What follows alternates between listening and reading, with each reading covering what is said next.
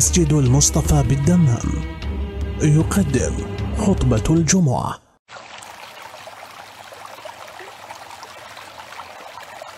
الشيطان الرجيم. بسم الله الرحمن الرحيم. الحمد لله رب العالمين خالق الخلق أجمعين باعث الأنبياء والمرسلين وأزكى الصلاة على النبي المصطفى. حبيب الله ونجيبه وخيرته من خلقه أبي القاسم محمد. وسلم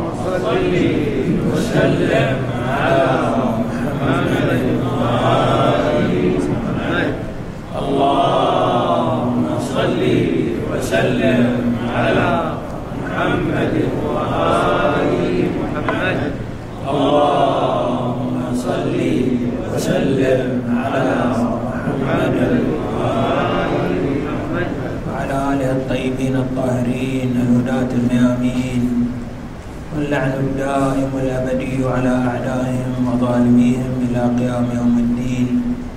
السلام عليكم أخواني المؤمنين ورحمة الله وبركاته.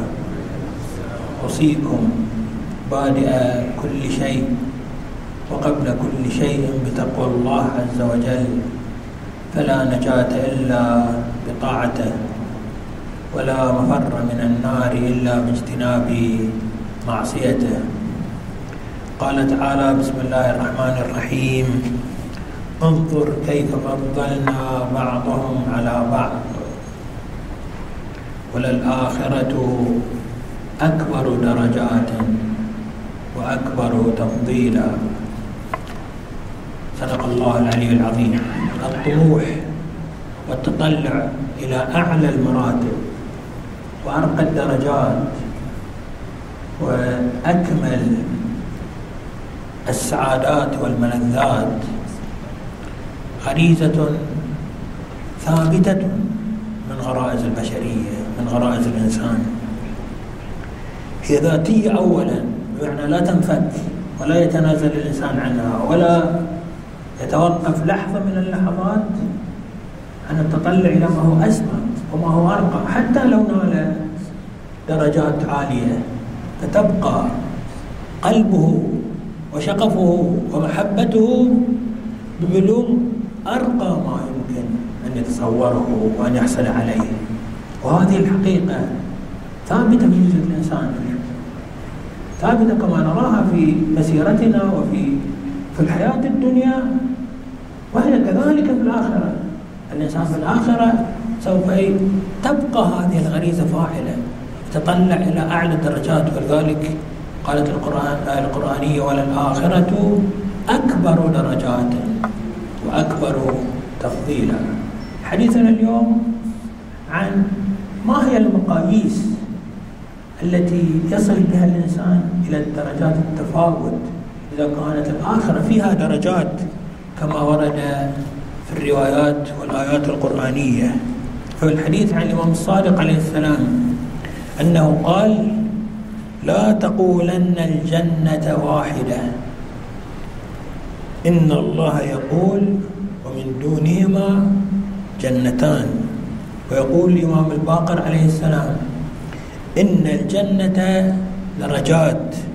ويقول رسول الله صلى الله عليه وآله إن الدرجة إن الدرجة في الجنة فوق الدرجة يعني بين كل درجة ودرجة أخرى إن الدرجة في الجنة فوق الدرجة كما بين السماء والأرض. ويجمع ذلك كتاب الله عز وجل حيث يقول ولكل درجات مما عملوا. فإذا كنا نتصور أن الجنة ومن فيها كلهم على حد سواء كل أهل الجنة مرتبة واحدة يجب علينا أن نعيد النظر في هذه المسألة. الجنة مراتب ودرجات وتتفاوت وسوف نرى بعض الأدلة التي تشير إلى كم كمية هذا التفاوت. ما هي المقاييس التي يحقق بها؟ كما أن في عالم الدنيا عندنا وسائل تفاضل ومقاييس تؤخذ بعين الاعتبار مثلا ذكاء مثلا قدرة مثلا العمل مثلا الأداء مثلا في الجنة ما هي المقاييس التي يمكننا أن نحصل بها على هذه الدرجات؟ أولها العقل يقول رسول الله صلى الله عليه وآله كما في تحف العقول إنما يرتفع العباد غدا في الدرجات وينالون الزلفى من ربهم الزلفى يعني التقرب إلى الله عز وجل مرحلة بعد مرحلة حينما يسير الإنسان في مراحل العلو والسمو بماذا؟ على قدر عقولهم لكن لا لا نفهم من كلمة العقول. يعني إنسان مثلا ذكي إنسان بسيط لا العقول هي مجموع المعرفة اليقينية التي حصل عليها. قد يكون الإنسان لا يمتلك مثلا عقلا واسعا فطري عقلا طبيعيا واسعا ولكن ببحثه بنظره بصدقه في عبادته إن هذه الأدعية التي نقرأها والقرآن الكريم والعبادات التي نتعبدها هي نوع من تنمية العقل العقل الحقيقي العقل المعرفي الذي يدرك الواقع يعرف الله عز وجل يعرف توحيد الله يعرف صفات الله يعرف مقامات الأنبياء يعرف سيرة الأوصياء عليهم الصلاة والسلام. هذا هو بمجموعه يشكل العقل والمعرفة. فأولا المعرفة الناشئة من البحث والتحقيق التي تعرف بعنوان العقل. ثانيا الميزان الثاني والمقياس الثاني هو العمل الصالح. في الحديث عن رسول الله صلى الله عليه وآله أنه قال يا أبا ذر إن الله جل ثناؤه ليدخل قوما الجنة فيعطيهم حتى تنتهي أمانيهم. يطلبون ما يشاءون الله سبحانه وتعالى كرمه ورحمته لأهل الخير لأهل الثواب لأهل العمل الصالح. لا تقف عند حد معين. كل ما يتمنونه كل ما يخطر في بالهم. من سعادة من لذة من نعمة من خيرات الله عز وجل يعطيهم. لكن كملوا بقية الرواية. فإذا وفوقهم قوم مع بلوغهم كل هذه الدرجات الجنة ليس فيها نقاص. وليس فيها حسرات ليس فيها ولكن مع ذلك هؤلاء الذين بلغوا كل أمانيهم فوقهم وفوقهم قوم في الدرجات العلى أرفع درجة منهم. فإذا نظروا إليهم عرفوهم قالوا هؤلاء نعرفهم هذا فلان هذا فلان هذا فلان. فإذا نظروا إليهم عرفوهم فيقولون ربنا إخواننا كنا معهم في الدنيا عايشين معهم إحنا أهل دين واحد أهل مبدأ واحد. فبما فضلتهم علينا ليش صار هم في الدرجات العلى ونحن في هذا الكمال الذي نحن فيه لم نبلغ درجاتهم. فبما فضلتهم علينا فيقال هيهات ليس في الآخرة إلا الحق وعين الحق. هيهات إنهم كانوا يجوعون حيث تشبعون. لعلها إشارة إلى الصيام وأداء الصيام. ومن المستحبات المؤكدة في الشريعة الإسلامية صيام ثلاثة أيام في كل شهر الخميس الأول والخميس الآخر والأربعاء الثانية في العشرة الوسطى في العشرة الثانية من كل شهر. وهناك أيام ذكرها الفقهاء استنبطوها من الروايات أخذوها من الروايات فأيام يستحب فيها الصيام جدا. فالأخوة إن شاء الله إيه، يستثمرون هذه الأيام لبلوغ هذه الدرجات العلى.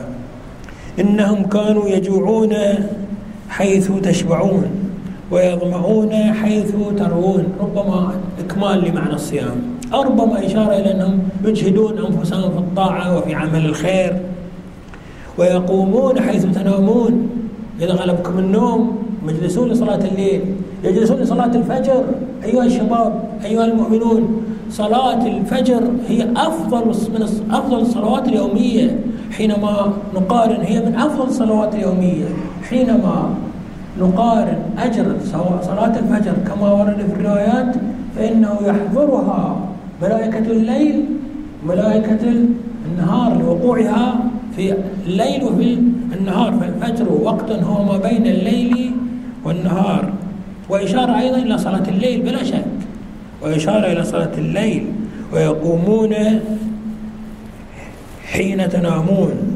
ويشخصون حين تخفضون. الخفض هو العيش هذا. ما يتحرك ما ينطلق ما يعمل شيء ما يقدم شيء.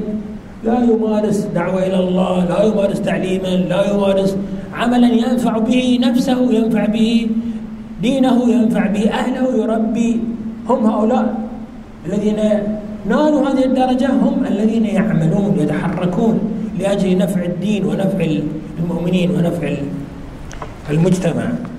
الثالث ليس فقط هو العمل وإنما الإخلاص في العمل. ففي عنه صلى الله عليه وآله إن الدرجة وإن العبد ليرفع بصره وهو في الجنة. ليرفع بصره فيلمع له برق شوف شيء عالي جدا ونير جدا فيلمع له برق يكاد أن يخطف بصره فيفزع لذلك فيقول ما هذا؟ ما هذا النور الذي أطل علينا؟ فيقال له هذا نور أخيك فلان عرفت فلان اللي كان معك بالدنيا؟ هذا نوره. فيقول أخي فلان هذا أنا كنت وياه. كنا نتعبد مع بعض كنا نروح المسجد مع بعض كنا نصلي مع بعض. شلون صار هذا في فيقول أخي فلان كنا نعمل في الدنيا جميعا. وقد فضل علي هكذا. فيقال له إنه كان أفضل منك عملا. أنتم لا تصلون لكن هو يصلي بإخلاص بنية ظاهرة بحضور قلب. فيقال له إنه كان أفضل منك عملا ثم يجعل في قلبه الرضا حتى يرضى يعطى حتى يذهب ما في قلبه مما رأى من نور وجلال. أخيه المؤمن الرابع من مقاييس التراتبية والفضل في الجنة. قال صلى الله عليه وآله أقربكم مني مجلسا يوم القيامة أحاسنكم أخلاقا. كلما كان أخلاق الإنسان ألطف وأرق وأكثر رحمة بأهل بيته بأبنائه بزوجته بمجتمعه بمن؟ بأصحابه. كلما كانت أخلاقه أحسن وتصرفاته وسيرته أكثر فضلا وأكثر عطاء كان عند الله عز وجل في الدرجات العالية. الخامس من مقاييس العلو في يوم القيامة حب محمد وآل محمد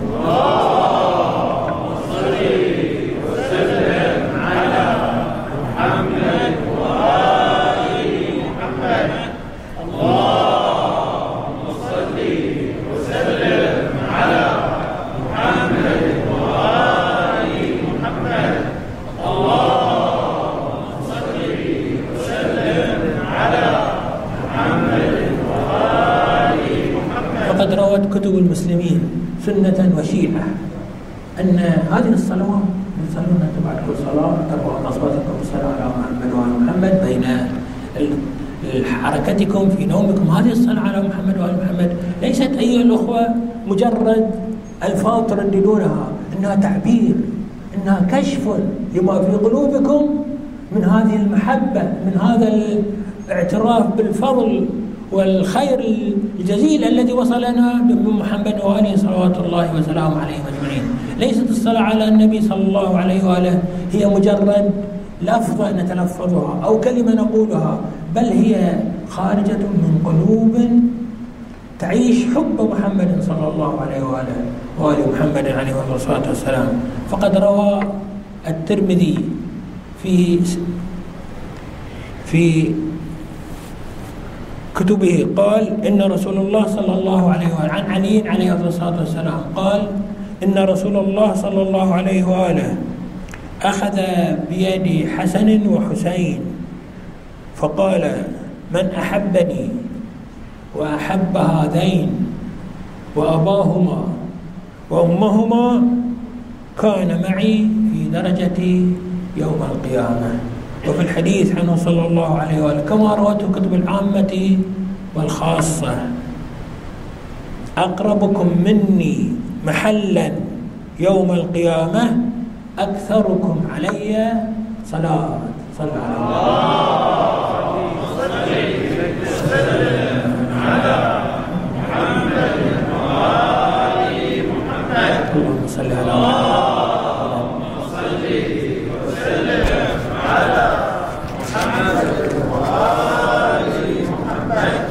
اللهم صل على محمد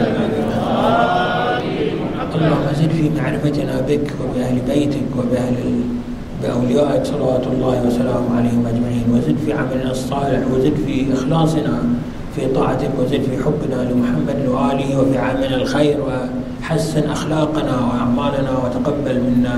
إنك أنت الغفور الرحيم والحمد لله رب العالمين وصلى الله على محمد وآله الطيبين الطاهرين.